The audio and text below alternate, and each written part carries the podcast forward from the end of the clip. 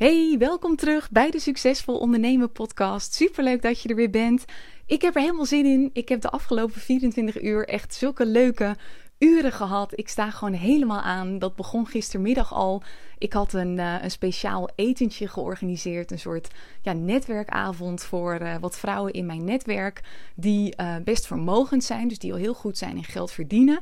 Maar die nog niet zo bezig zijn met hun geld managen. En hun geld voor hun laten werken. Dus het geld ook investeren. Dus ik had samen met Marvin Leenders. Bij wie ik een één op één traject volg op het gebied van crypto.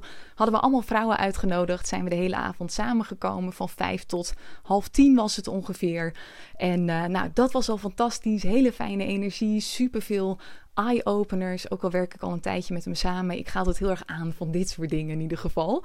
Dus uh, dat was er al. En toen kreeg ik net ook een berichtje van iemand die zei: Oh, jouw podcast is echt zo life-changing voor mij geweest. En toen dacht ik: Oh, oké, ik heb nu heel veel zin om een podcast op te nemen. En ik ga deze podcast opnemen over een onderwerp wat ik dit weekend ook al heb besproken. Maar er kwamen zoveel reacties op dat ik dacht: hey, dit mag ook uitgebreid worden besproken in een podcast. Het gaat namelijk over de Insta-post die ik afgelopen zaterdag heb gedeeld.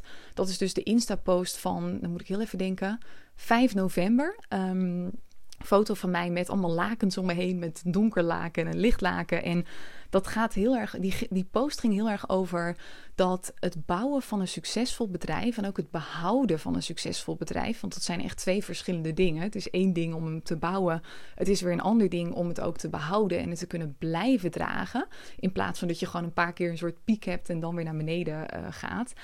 Ik zei dat heeft te maken met het balanceren van heel veel tegenstrijdigheden. En dat maakt ook dat ondernemerschap eigenlijk een van de meest extreme vormen van persoonlijke ontwikkeling is. Ik had in de post gezegd: het is de meest extreme vorm van persoonlijke ontwikkeling. Zo had iemand het ooit tegen mij gezegd. En dat resoneerde toen heel erg. Maar ik ben me daar ook van bewust dat je ook dingen hebt als moederschap of het moederschap met het ondernemerschap of vaderschap. Dat is natuurlijk ook heel uh, extreem qua persoonlijke ontwikkeling. En dat is natuurlijk voor iedereen ook weer een beetje anders hoe die ervaring voor jou is. Dus de ene kan het als moeitelozer ervaren dan de andere persoon. Dus mocht je die post nog niet hebben gelezen, dan gaat alles in deze podcast nieuw voor je zijn. Mocht je de post al wel hebben gelezen, is het nog steeds wel interessant om te luisteren, omdat ik hier ja, wat meer ruimte heb. Weet je, ik heb altijd een struggle met mijn Insta-post. Ik heb er ook echt nog maar 9 online gezet dit jaar. Terwijl ik me aan het begin van het jaar had voorgenomen ik ga superveel posts online zetten. Ik heb zelfs drie fotoshoots gehad voor al mijn posts die ik online zou gaan zetten. En echt negen posts later. En het jaar is alweer bijna voorbij. Dus ik zit altijd een beetje met de ruimte daar. En dan ben ik helemaal gefrustreerd. Want dan heb ik een veel te lange post. En dan moet ik alleen maar inkorten. En dan ben ik de essentie van mijn boodschap kwijt. En dat is dus ook een van de redenen dat ik zo van podcasten hou. Want dan heb je gewoon die ruimte. Um, dus in deze podcast ga ik er wat dieper uh, op in. Dus op het feit dat heel veel mensen het ondernemerschap dus als een van de meest extreme vormen van persoonlijke ontwikkeling ervaren, of zelfs de meest extreme vorm. En waarom het nou zo is dat je al die tegenstrijdigheden met elkaar hebt te balanceren. Wat ik zo interessant vind aan het ondernemerschap, en, en dat is ook een van de redenen waarom ik er echt van hou, maar ik af en toe het ook echt kan haten op momenten dat het gewoon echt even heel zwaar is. En dat ik denk, oh, waarom wilde ik dit ook alweer? Waarom heb ik niet gewoon een baan in loondienst van 9 tot 5? Dat was toch eigenlijk wel prima, weet je wel? Misschien herken je dat wel. Dat je af en toe echt als een soort flipperkast eigenlijk helemaal heen en weer gaat. En dat komt omdat het ondernemerschap heel paradoxaal is. Dus ik ga een aantal voorbeelden ga ik geven. Bijvoorbeeld, om succesvol te worden heb je eerst oké te zijn met falen. Want falen is namelijk een onlosmakelijk onderdeel van de weg naar succes. Dus weet je, elke ondernemer die wil op zijn of haar manier succesvol worden. Maar de prijs die je daarvoor betaalt, is dat je juist eerst oké hebt te zijn met op je bek gaan, dingen fout doen, webinars geven waar je nul aanmeldingen voor hebt, of tien aanmeldingen en dat niemand komt opdagen, of dat je een lancering doet en dat je bijna geen aanmeldingen hebt, of dat je een klant hebt waarvan je denkt: oh, word ik echt totaal niet blij uh, van. En, en dit was eigenlijk gewoon een foutje. Dus weet je, dat is onlosmakelijk met elkaar verbonden. Dus de mensen die jij nu ziet, die jij bijvoorbeeld volgt omdat ze een voorbeeld voor je zijn, omdat ze super succesvol zijn en jij denkt: daar wil ik uiteindelijk ook komen. Ja, die hebben al bewezen dat ze dus niet alleen succesvol kunnen zijn, maar dat ze dus ook echt oké zijn met falen. En weet je, dat maakt voor heel veel ondernemers dat. Um, dat ze uiteindelijk niet succesvol worden, want ze willen alleen maar succesvol zijn en de leuke dingen daarvan hebben, terwijl ze eigenlijk veel te bang zijn om te falen. Dus weet je, dan ga je uiteindelijk vaak ook niet succesvol zijn, want eerst mag je daar doorheen voordat je succesvol kunt uh, zijn. Hetzelfde geldt voor um, deze paradox. Dus om klanten aan te trekken, consistent aan te trekken en ook echt ideale klanten aan te trekken, moet je eerst klanten durven afstoten. Dus dat is ook weer die paradox van aantrekken versus afstoten. Want op het moment dat je iedereen probeert aan te spreken, niemand voor het hoofd probeert te stoten, ja, dan spreek je eigenlijk niemand echt aan. Dan word je een soort vanillevla. En dan word je zo'n type die best wel leuk is om te volgen, maar niemand koopt bij je. Want je maakt niks echt los in mensen. Dus ik zeg ook altijd: op het moment dat je kritiek begint te krijgen, dat je echt haatreacties in je DM krijgt of als reactie op je nieuwsbrief, dat is natuurlijk vervelend aan de ene kant. Aan de andere kant is het een mega compliment. Want als je echt zoiets hebt weten los te maken in iemand, dat iemand zo getriggerd is dat hij jou helemaal gaat mailen of DM'en, dan heb je altijd ook iets heel positiefs getriggerd bij andere mensen. Want weet je, het werkt altijd twee kanten op wat dat betreft. Nou, dan heb je ook nog de paradox van je meest ideale klanten, die ontdek je en vind je eigenlijk via je niet-ideale klanten. Want elke keer dat je als ondernemer weer met iemand werkt, ontdek je meer kenmerken van de ideale klant. En weet je, dan kom je er weer achter van oh ja, ik word niet zo blij van deze klant, maar waarom is dat nou eigenlijk? Wat, wat is de reden dat ik er niet zo blij van word? Dus om uiteindelijk op een niveau te komen nou, waarop ik nu sta, ik heb echt super veel ideale klanten, niet alleen maar. Ik geloof dat dat bijna niet haalbaar is. Je hebt altijd wel dat mensen er doorheen slippen die gewoon niet helemaal een match zijn. Uh, op een gegeven moment soms ook iets meer. Want als je op een gegeven moment een bepaalde marktwaarde hebt, dan zijn er ook best wel veel mensen geneigd om gewoon te denken: Oh, nou, ik hoor dat uh, Tineke Zwart heel bekend is en dat hij uh, goede referenties heeft. Oké, hup, ik ga het ook maar doen. Terwijl we dan eigenlijk niet echt matchen, zeg maar. Dus, dus dat gebeurt ook altijd nog. Maar in het begin, toen ik net ging ondernemen, toen had ik ook klanten waarvan ik achteraf denk: Oh ja, weet je, die, die pasten op dat moment eigenlijk niet heel goed bij me. Maar ja, ik was nog aan het ontdekken wie ik zelf ben, wat mijn visie is, wat ik leuke mensen vind om mee te werken, wanneer ik echt goede resultaten ook met mensen kan behalen. En in het begin zul je dan toch nog vaak een beetje moeten pakken wat je pakken kunt om te ontdekken is dit een type waar jij op aangaat? Is dit een type waar jij uh, echt resultaat mee kunt, uh, kunt boeken? Dus in het begin mag je daar juist eventjes doorheen uh, vaak. Dan heb je ook nog de paradox van flow en weerstand. Weet je, alle ondernemers die willen het liefst vanuit flow werken de hele dag. Dus ik vind het nu heel lekker om deze podcast op te nemen, want ik zit helemaal in de flow. Ik heb super veel positieve energie. Dus het gaat heel moeiteloos, merk ik. Ik had er echt helemaal zin in. Maar om in de flow te komen, heb je vaak eerst door weerstand heen te breken. En um, vooral op het moment dat je nieuwe dingen gaat doen. Kijk, ik doe nu al een hele lange tijd dat ik podcast aan het opnemen ben. Dit is inmiddels, uh, het is 2,5 jaar geleden dat ik mijn eerste podcast opnam.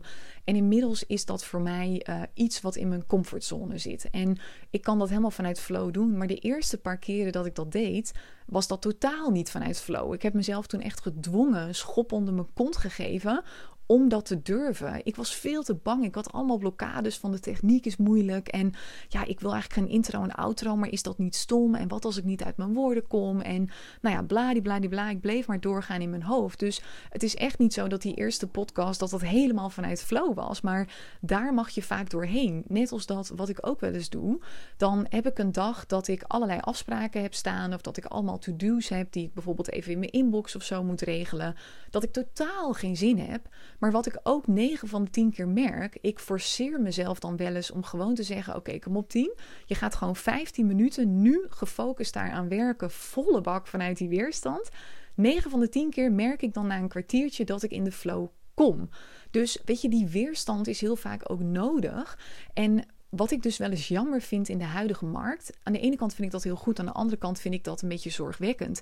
Wat heel mooi is, is dat er steeds meer aandacht komt voor uh, werken vanuit vrouwelijke energie, uh, werken vanuit flow, werken op basis van gevoel. En dat is hartstikke mooi. Maar soms wordt het ook een beetje te soft allemaal. Kijk, ik zit inmiddels ook in een fase dat ik het me kan permitteren om te zeggen: ja, ik ben gewoon even drie weken niet zichtbaar. Weet je, ik heb voldoende geld op mijn rekening, zeg maar even heel plat gezegd. Ik heb voldoende voldoende klantenstroom. Maar op het moment dat je net begonnen bent en het is echt belangrijk voor jou om geld te verdienen, ja, dan kun je dat niet altijd permitteren. Dus ook daarbij geldt weer, voordat jij je dat kunt permitteren, heb je even door die weerstand vaak heen te breken. Dus toen ik net startte met ondernemen, heb ik ook veel meer dingen vanuit die weerstand gedaan. Maar dat was juist omdat toen heb ik de vaardigheden gecreëerd, de persoonlijkheid gecreëerd, de klanten aangetrokken, het momentum opgebouwd, zodat ik nu aan het einde van de rit, zeg maar, of het einde van de rit, een tijdje verder in de rit, het is nog niet het einde van de rit, dat ik veel meer vanuit flow kan werken. En dat is ook een reden dat zoveel ondernemers vastlopen en niet succesvol zijn, want ze willen de hele tijd die flow. Maar dat is er gewoon niet altijd. Dus je mag ook leren te werken met die weerstand. En niet alleen maar bezig zijn met de healing en dat soort dingen. Soms is het ook gewoon een kwestie van het doorheen breken. En ik zorg er wel voor dat ik zoveel mogelijk flow creëer. Door nou ja, zo goed mogelijk voor mezelf te zorgen, te sporten. Dat helpt me altijd. Uh, blije muziek bijvoorbeeld te luisteren. Ik doe elke maand een, een healing inmiddels met een biotensor. Nou, dat zorgt dat mijn flow staat, dat het toeneemt. Maar ik zit ook niet altijd in de flow. Dan heb je ook nog, om ultieme vrijheid te ervaren, mag je vaak eerst tijdelijk je vrijheid deels opgeven. Dus bijna elke ondernemer wordt ondernemer voor de vrijheid, omdat je het op je eigen manier wilt kunnen doen. Je wilt je eigen werktijden bepalen. Je wilt niet meer voor een baas werken. Je wilt zoveel mogelijk geld kunnen verdienen. Dus dat er geen plafond is. En dat is allemaal super mooi. Dat is dan je drijfveer. Maar juist om daar te komen heb je vaak eerst je vrijheid deels op te geven. Dus dat betekent bijvoorbeeld dat je dan je baan in loondienst mag opzeggen. Dat je echt even een stap achteruit gaat, of drie stappen zelfs op financieel gebied, omdat er nog even niet direct een geldstroom is vanuit je business. Of dat je eerst, ik heb dat bijvoorbeeld ook gedaan, um, in een kleiner appartement of iets dergelijks mag gaan wonen. Dus ik heb bijvoorbeeld ook in een zolderkamer van 20 vierkante meter gewoond. En gisteravond was ik dan bij Marvin Leenders. Nou, die is inmiddels multimiljonair dankzij crypto. En die zei ook, hij en zijn vrouw Melanie, die hebben drie jaar, hebben die eigenlijk op een houtje gebeten. Zij hebben op een gegeven moment alles in crypto geïnvesteerd en gewoon gezegd wij gaan drie jaar, gaan we heel minimalistisch leven. Hadden ze een super klein appartement, hebben ze bijna geen kleding gekocht, gingen ze niet uit eten, hebben ze heel erg op de kosten gelet, zodat ze nu vanuit ultieme vrijheid kunnen leven, dankzij de prijs die ze destijds hebben betaald. Dus ook daar zit weer die paradox in. En dan heb je nog één om heel intuïtief en vanuit vrouwelijke energie te werken, dus waar ik het net al over had, mag je vaak eerst een bepaalde structuur en hele duidelijke kaders creëren vanuit je mannelijke energie. Want wat er anders gebeurt, is dat je, als er alleen maar flow is als het ware, dan wordt het een beetje een, een ja, dan ben je een beetje all over the place vaak. Dan, dan is het niet duidelijk. En ik vergelijk dat dan wel eens met: um, stel je wilt um, uh, uh, water, iets met water doen. Als je dat gewoon zo op de grond gooit, dan gaat het alle kanten uh, op. Maar op het moment dat je een kader hebt en een, een, een tuinslanger omheen, dus dat is dus die structuur en dat kader, dan kun je dat water heel gericht kun je dat spuiten op je planten of iets dergelijks. Dus het is ook daar weer en en nodig. En wat ik de laatste tijd ook steeds meer op Instagram en zo zie, en gewoon überhaupt in onze bubbel, is dat heel veel mensen voorstander zijn van het ene ding. Dus de ene die, die, um, uh, die praat heel erg over dat mannelijke en dat is nodig en go, go, go. De ander praat heel erg over het vrouwelijke. En ik snap natuurlijk wel dat de ideale klant voor degene die het vrouwelijke uh, preacht, dat dat vaak iemand is die te veel in het mannelijke zit. Maar tegelijkertijd, weet je, vaak heb je ook volgers die niet per se je ideale klant zijn en die dan daar aan de hand daarvan gaan denken: oh lekker, ik ga nog meer in het vrouwelijke en ik zit al zoveel in het vrouwelijke. Maar um, waar ik dus echt een stukje bewustzijn in wil creëren, is dat het en-en mag zijn. En bij iedereen is die balans wel anders. Hè? Dus het kan bijvoorbeeld zijn dat ik echt 50-50 nodig heb. Dus 50% vanuit dat mannelijke, 50% vrouwelijk. Het kan zijn dat die balans voor jou, dat het 70-30 is of 60-40 op wat voor manier dan ook. Dan heb je ook nog om een krachtige leider te kunnen zijn die heel veel mensen kan dragen, die heel veel mensen kan helpen zonder daar onder door te gaan, die je in de eerste plaats een volger te kunnen, uh, te kunnen zijn, die zich ook kan laten dragen. Want op het moment dat jij de enige bent die iedereen maar aan het dragen is en niemand die draagt jou, ja, dan houd je het gewoon niet vol. Dan krijg je gewoon gedoe. Dan werk je te hard of krijg je vage fysieke klachten of iets dergelijks. Dus je hebt een plek nodig. Aan de ene kant kun jij een soort safe space creëren voor jouw klanten. Maar er is ook een safe space voor jou nodig. Dus ook daarin heb je weer te kunnen uh, geven, maar ook ontvangen als het ware. Weer die paradox, die met jou, die paradox, ik leg de klemtoon een beetje verkeerd, die je met elkaar in balans mag uh, uh, brengen. Dan heb je ook nog om volledig voor iets nieuws te kunnen gaan en het dus echt goed vast te pakken, mag je eerst vaak het oude loslaten. Dus heel veel ondernemers die willen een, een, een ander soort bedrijf. Dus die willen niet meer uurtje factuurtje, maar die willen met waardetarieven werken. Maar toch blijven ze de hele tijd nog vasthouden aan dat uurtje factuurtje. Want ze durven het niet los te laten vanuit angst voor financiële onzekerheid of iets dergelijks. Of ze hebben nog te veel verhalen in hun hoofd met: ja, maar dat gaat toch niemand doen of iets dergelijks. Maar weet je, op het moment dat je dan dus maar blijft vasthouden aan dat uurtje factuurtje, dan creëer je ook gewoon geen ruimte. Zowel praktisch in je agenda als energetisch eh, om het te manifesteren als het ware voor een nieuw soort klant. Voor klanten die in zo'n traject willen stappen in plaats van uurtje factuurtje met jou willen werken. En hetzelfde geldt bijvoorbeeld in de liefde, dus met daten bijvoorbeeld ook. Ik spreek dan heel vaak vrouwen um, en, en, mannen zijn er ook, weet ik, maar ik zit wat meer in een vrouwenbubbel, die dan uh, bijvoorbeeld heel lang een vriend hebben gehad. Nou, op een gegeven moment gaat het uit en dan zijn ze een beetje aan het scharrelen met wat, uh, wat mannen, soms één, soms meerdere tegelijk. Hè? Het kan allemaal.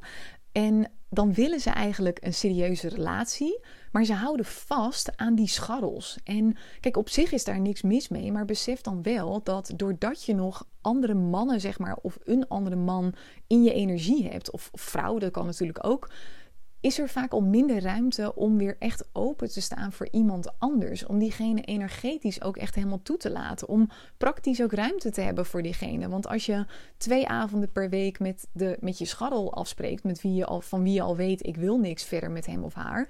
Ja, dan dat zijn ook twee avonden per week dat je niet met een, een echte potentiële liefde kunt afspreken. Dus een van de beste beslissingen die ik ook heb genomen voordat ik uh, Tristan ontmoette, was dat ik een paar maanden daarvoor had gezegd weet je wat, ik ben oké in mijn eentje. En ik heb echt niet schaddels nodig voor de entertainment of voor de opvulling of weet ik het wat. Dus ik heb echt alle banden heb ik, uh, afgesneden. In plaats van dat ik het een beetje aanhield omdat ik me anders eenzaam voelde. Of dat, ik, dat het goed was voor mijn ego of iets dergelijks. En een paar maanden, nou ja, een paar weken eigenlijk, want het duurde maar twee maanden, kwam Tristan op mijn pad. En toen kon ik er ook echt zeg maar helemaal voor hem zijn. Oké, dan heb ik nog drie dingen. Om super blij en dankbaar te kunnen zijn, mag je vaak eerst je verdriet en je boosheid de ruimte geven.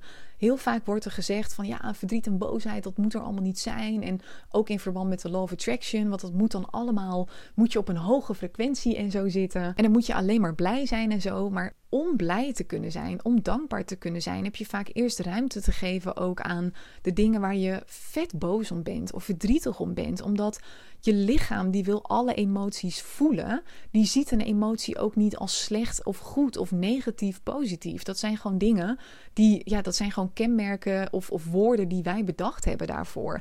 Maar het, het, het wil alles ervaren. Net als dat een baby dat eigenlijk doet. Een baby kan een intense huilbij hebben en letterlijk twee seconden daarna weer keihard lachen. Mijn nichtje had dat bijvoorbeeld ook. Vorige week was die hier. En die moest huilen toen ze geen extra eten kreeg. En daarna trok ik een gekke bek. En toen was ze weer echt keihard aan het lachen. Dat ik dacht: oh ja, Jantje lacht, Jantje uh, huilt. En dat komt ook omdat ze alles er volledig laten zijn. In plaats van dat ze boos zijn. En dan met, met allerlei manieren gaan omdenken: van oh ja, maar eigenlijk is dit ook goed. Of ze gaan het alleen maar verklaren of iets dergelijks. Of ze gaan het wegdrukken omdat ze denken: oh nee, dat mag niet, want dan manifesteer ik slechte dingen. Terwijl juist, je, je kunt het niet wegdrukken. Je kunt het misschien wegdrukken vanuit je hoofd, maar je kunt het niet wegdrukken vanuit je lijf.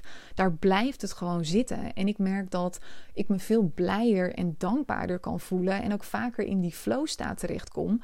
Doordat ik ook af en toe nu steeds meer, nog steeds niet voldoende, daar ben ik dan ook wel heel eerlijk in. Um, want dat is echt wel mijn schaduwkant, dus dat stukje boosheid en verdriet. Maar ik laat het wel meer zijn. Dat je af en toe in bad gaat en gewoon even keihard gaat janken. Of ik heb toen laatst op Bali gewoon keihard in een kussen lopen rammen en lopen schreeuwen. En om die boosheid eruit te laten. Dus weet je, dat is ook weer um, via verdriet en boosheid kom je vaak weer bij die blijdschap en dankbaarheid. Oké, dan de twee laatste. Aan de ene kant mag je vanuit je essentie, zeg maar, creëren. Vanuit een bepaalde liefde. Dat is ook wat we vaak het liefste ehm, willen. Dat er echt een soort pool is en dat je echt voelt: oh, dit is goed voor de wereld.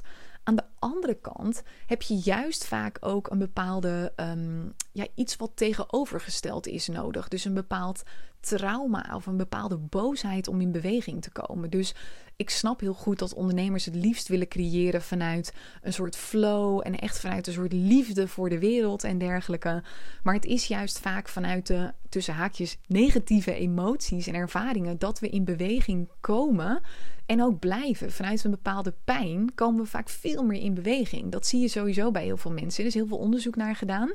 Mensen komen vaak veel meer in beweging vanuit een away from pain motivatie, dus een weg van pijn, dan een towards pleasure. Dus als ik ook naar mijn eigen bedrijf kijk, kijk, inmiddels doe ik heel veel dingen echt vanuit essentie en liefde. Maar in het begin, wat mij ook echt overeind heeft gehouden en wat, er, wat ervoor heeft gezorgd dat ik door ben blijven gaan, was omdat ik ook gewoon fucking boos was op mijn ex, die me helemaal geen geld had uitbetaald van het miljoenenbedrijf wat we hadden.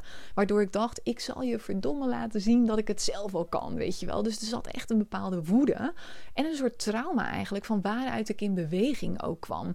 Hetzelfde geldt dat als jij um, burn-out coach bent of iets dergelijks. Tuurlijk is er dan een bepaald verlangen van waaruit je mag creëren, een betere, nou ja, een betere mental health voor iedereen en dat is heel motiverend. Aan de andere kant kun je jezelf vaak ook in beweging krijgen door weer eens terug te denken aan het trauma wat je hebt gehad, de zware periode die je hebt gehad en dat je denkt, verdorie, ik wil dat niemand dit meer meemaakt of ik wil dat, dat iedereen hier veel sneller uit kan komen dan ik. Dus ook daarin mag je weer aan beide kanten van het spectrum uh, werken. En dan nog een laatste. En deze vind ik een beetje lastig om uit te leggen. Maar de laatste paradox die ik voor nu even met je wil delen. Er zijn echt nog heel veel meer. Maar goed, ik kan, uh, ik kan ook een podcast van drie uur opnemen. Maar goed, ik denk dat, dat het punt wel duidelijk is. Het is vaak ook een kwestie van inzoomen en uitzoomen en daarmee kunnen spelen. Dus aan de ene kant dat je af en toe kunt uitzoomen en dingen vanuit een soort groter geheel kunt bekijken. Dus dat je kunt denken: um, ik heb dat bijvoorbeeld recent gedaan, ik wilde mijn business omgooien. En dat vind ik dan op dat soort momenten vaak heel spannend. Dus dan denk ik echt van: oh my god, wie ga ik allemaal teleurstellen? En wat als het allemaal niet goed gaat? En nou, heel veel mensen denken dat dat als je op een gegeven moment op een bepaald niveau staat met een bepaalde omzet, dat dat eigenlijk heel makkelijk is. Want ik kreeg ook een paar keer de vraag van mensen die zeiden: ja, is, weet je, is dit eigenlijk wel moeilijk voor jou? Want jij hebt geen financiële druk meer. Dus weet je, had je dit ook gedaan zonder als je wel financiële druk uh, had gehad? En toen zei ik ook van, nou ja, weet je, de financiële druk is er niet, maar wel de sociale druk. Dus ik heb al heel veel mensen die dingen van me verwachten, die in een bepaald product zitten, die ik nu ja, ga teleurstellen als het ware, omdat ik gewoon ga stoppen met het product. Dus die druk is er wel. En op het moment dat ik daar dus heel erg op in ga zoomen, ja, dan, dan verlies ik mezelf. Dan durf ik helemaal geen veranderingen meer door te voeren. Dus op dat moment zeg ik oké, en nu gaan uitzoomen. En dan, wat ik dan heel vaak doe, dan pak ik een plaatje bij, erbij van de aarde die uh, um, gefotografeerd is vanaf de maan bijvoorbeeld. Of ik kijk naar de sterren en dan denk ik echt, jee, mag, ik ben onderdeel van dit hele gigantisch grote geheel. Ik ben hier eigenlijk ook maar een paar jaar op aarde. Tenminste, ik hoop dat dat minimaal 80 jaar mag zijn. Maar voor het gemak even een paar jaar. In the greater scheme of things, zeg maar, is dat maar heel kort. Die 80 jaar dat je er dan uh, uh, bent. Dus dat helpt me om te denken Maak het allemaal niet zo zwaar. Maak het allemaal niet zo serieus. Ga lekker spelen. Niemand die ook over 100 jaar nog praat over. Nou, wat Tineke Zwart op, uh, op dinsdag 8 november zijn. De podcast. Oh, heftig. Weet je wel. Dus dat maakt ook dat ik veel sneller dingen durf te delen die ik spannend vind. Aan de andere kant, als je dat overal zou doen, zou je denken: ja, wat heeft het leven eigenlijk voor zin? Het heeft helemaal geen nut, weet je, want ik heb dan drie kijkers in mijn webinar en nou, uh, jee, weet je wel, waar doe ik het eigenlijk voor? Dus ook daar mag je weer naar de andere kant van het spectrum. En op dat soort momenten ga ik inzoomen en ga ik mezelf juist heel erg motiveren vanuit de gedachte: ik weet dat als ik vandaag voor één iemand een verschil maak in zijn of haar leven dat is mega, dat is geweldig. En dan heb je heel vaak ook nog de butterfly effect. Ik weet niet of je daar wel eens van gehoord hebt, maar dat houdt in dat iets heel kleins uiteindelijk, als je het helemaal doortrekt naar iedereen die er uiteindelijk op een bepaalde manier mee te maken krijgt, dat het een mega effect is. Dus ik kan bijvoorbeeld vandaag iets tegen jou zeggen in deze podcast, waardoor jij echt denkt: wow. Zo had ik het nog niet bekeken en dit geeft me zoveel rust of dit geeft me zoveel duidelijkheid kan zijn dat jij dat weer doorvertelt aan twee personen, of misschien wel aan honderd, maar waarvan twee personen ook denken: wow, weet je, dit is life-changing. Die vertellen het weer door. En zo kan uiteindelijk alles kan een mega impact hebben op uh, bepaalde dingen. Dus op momenten dat ik bijvoorbeeld tegenvallende cijfers heb, dus dat ik bijvoorbeeld een, een webinar geef en ik heb maar acht aanmeldingen en twee mensen komen opdagen, dan ga ik juist niet uitzoomen, dan ga ik inzoomen en denken: wow, deze twee mensen die willen hun tijd aan mij spenderen. Super fijn. Ik voel me vereerd. Ik ga hen helpen. Ik vertrouw erop dat dit precies de mensen zijn die er ook moeten zijn vandaag.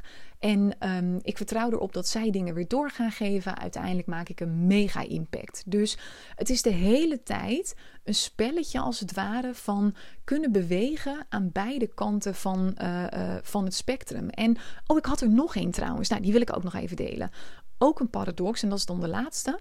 Om je bedrijf voor jou te laten werken, mag jij juist eerst voor je bedrijf gaan werken. Want weet je, op het moment dat er op een gegeven moment heel veel momentum is, heel veel tractie, er zijn systemen voor jou aan het werk, een team aan het werk, heb je eerst alles zelf te doorlopen. Dus je hebt dan ook die drie fases in je business. Eerst ben je de werker, dan werk jij gewoon keihard voor je bedrijf. Dat is heel vaak ook een soort grinding fase waarin je gewoon echt ja, lange dagen ook maakt om dingen op orde te krijgen, om zelf de persoon te worden die je hebt te zijn om je doelen te bereiken. Nou, dan word je de manager van je bedrijf. Dan ga je met je bedrijf werken. En uiteindelijk word je dan de leider van je bedrijf. En dan gaat je bedrijf voor jou werken. Dat jij steeds meer een stapje achteruit uh, kunt doen. Maar dat is dus ook weer die paradox. En kijk, wat er gebeurt is. Meestal zijn we goed in of verlangen we um, naar slechts één kant van het spectrum. Dus uh, we willen alleen maar succesvol zijn. En we willen niet de prijs betalen van nou ja, dat falen daar onderdeel van is. Of um, we, we willen alleen maar dat ons bedrijf voor ons werkt. En we zijn niet bereid om voor ons bedrijf te werken. Of we zijn alleen maar goed in, in leiden. En we vinden het heel moeilijk om te volgen. Ik heb dat bijvoorbeeld ook. Ik vind het veel makkelijker om zelf eigenlijk op het podium te staan en, en leiding te geven aan iedereen. Dan dat ik zelf in, in, in de klas zeg maar zit en dat iemand mij leidt. En ik vind het ook veel fijner om vanuit flow te werken dan vanuit weerstand. Maar het is wel nodig dat je alle facetten zeg maar gaat, um, uh, uh, gaat erkennen, gaat, gaat benutten ook, gaat omarmen. En omdat we vaak maar goed zijn of verlangen naar één kant van het spectrum, dat is de reden dat zoveel ondernemers niet en financieel en mentaal vrij zijn. Maar het mooie is, dat is uiteindelijk voor iedereen het doel. Op hun eigen manier dan. Hè? Voor iedereen is de definitie van mentaal en financieel vrij zijn is weer anders. Maar ik geloof dat elke ondernemer daar naartoe werkt. En kijk, het lukt je misschien nog niet direct om uh, heel snel financieel en mentaal vrij te zijn. Maar de weg daar naartoe is zo ongelooflijk helend. Want het vraagt van jou om dus gewoon alles in jezelf te omarmen. Alle tegenstrijdig, tegenstrijdigheden in jou en ermee te werken. Dus uh, nog een voorbeeld. Aan de ene kant vraagt het van je om nou ja, een soort van arrogant te kunnen zijn. Dat je echt durft te zeggen: jongens, ik ben gewoon vet goed in mijn vakgebied. En je moet echt bij mij zijn op het moment dat je met dit en dit aan de slag wilt. Want ja, als jij er al niet in gelooft, hoe kan een ander dan, er dan ooit in geloven? Aan de andere kant mag je je ook bescheiden opstellen. Weet je, er is ook een plaats en een tijd en een ruimte dat jij bepaalde dingen nog niet zo goed weet. En dat je dat gaat erkennen. En dat je dan ook gewoon eerlijk kunt toegeven dit is niet mijn kracht. Dit is wat ik uit wil besteden of waar ik hulp nodig heb. En um, weet je, dat maakt het ook zo helend. Want een van die dingen, dat zit eigenlijk altijd in je comfortzone. Net zoals dat ik zei van op het moment dat ik leiding geef, ben ik veel meer in mijn comfortzone dan op het moment dat ik, uh, dat ik volger ben. Maar het vraagt dus van jou om dat succesvol bedrijf te bouwen in de breedste zin van het woord. Alle kanten van het spectrum. Dus zowel het licht als het donker. Want de weg naar het licht is namelijk vrijwel altijd via het donker. Dus je moet door die weerstand, dat is dan even het donker, om uiteindelijk in die flow staat in het licht te kunnen komen. En wat er dan op een gegeven moment vaak gebeurt, na een tijdje in het donker kun je het op een gegeven moment loslaten en in het licht stappen. Maar wat ik al zei, het ondernemerschap is gewoon de meest extreme vorm van persoonlijke ontwikkeling. Wat er dan gebeurt, is dat er binnen no time vaak weer op een ander vlak een donker komt waar je doorheen mag. Dus dat is dat hele idee van nieuw level, nieuw devil. Er is altijd op, op nou ja, in ieder geval één gebied in je leven, of dat nou gezondheid is, relaties, business en vaak zelfs op meerdere gebieden, is er wel een donker waar je op dit moment doorheen aan het gaan bent. En nou ja, dat is dus het hele uitdagende stuk, omdat heel veel mensen proberen om er omheen te gaan. En dat is niet de weg. Weet je, ze zeggen in het Engels ook zo mooi: the only way out is right through. Dus je moet door dat donker. Je kunt er niet omheen. Uh, het gaat niet opeens weg als jij het loopt uit te stellen. Dat, dat gebeurt gewoon niet. Je mag er full force doorheen breken. En dat durven de meeste mensen niet. Dat willen de meeste mensen niet. En het is ook oké als je zegt: die, die prijs ben ik gewoon niet bereid om te betalen. Maar dat is dus wel uh, de reden dat echt maar, nou ja, een paar procent. Ik denk dat als 5% financieel en mentaal vrij is, dat, dat het dan al heel veel is. Maar besef wel, het heeft nog steeds zin allemaal. Want weet je, ook al ben jij misschien niet mentaal en financieel vrij op dit moment. Wat ik al zei, de weg naartoe is zo helend. En je komt steeds een beetje dichterbij volledige acceptatie van alle kanten in jou, alle tegenstrijdigheden in jou. Dat je die kunt. Uh, dat je er oké mee kunt zijn. Dat je ze kunt benutten vanuit een authentiek gevoel. Dus dat het niet voelt alsof je een bepaald kunstje aan het, perform, aan het doen bent. Maar dat je echt voelt, ja, dit is een onderdeel van mij. En ik heb dat omarmd. En ik heb een manier gevonden om op die manier dat te benutten, te erkennen. En Kijk, op een gegeven moment wordt het donker wel licht. Dus in het begin voelt het donker vaak als pikzwart. Maar op een gegeven moment raak je gewend in het donker. Dus je hebt vast ook wel eens gehad dat als je in een kamer was en het licht ging uit, dan is het eerst even heel donker. Want dat is het eerste moment dat je erin zit. En dan komt er mij soms een beetje zo'n paniekerig gevoel. Maar je ogen passen zich aan. En dan wordt het op een gegeven moment, ga je toch al bepaalde dingen herkennen. Je gaat vormen zien. En dan wordt het al iets relaxter. En op een gegeven moment ga je ook veel comfortabeler worden met het oncomfortabele. Daarom zeg ik ook altijd dat als je fase 1 weet te overleven van het ondernemerschap, dat is objectief gezien is dat niet eens de fase waarin de allergrootste uitdagingen er zijn. Maar uh, daarin ben je wel nog um, uh, de persoon die nog niet opgeleid is als ondernemer. Dus het voelt vaak veel zwaarder. Op het moment dat je daar doorheen komt, dan red je het ook bijna altijd om in fase 2, 3 en uiteindelijk zelfs 4 te komen. Want dan ben je comfortabel geworden met het oncomfortabele, is je veerkracht enorm toegenomen.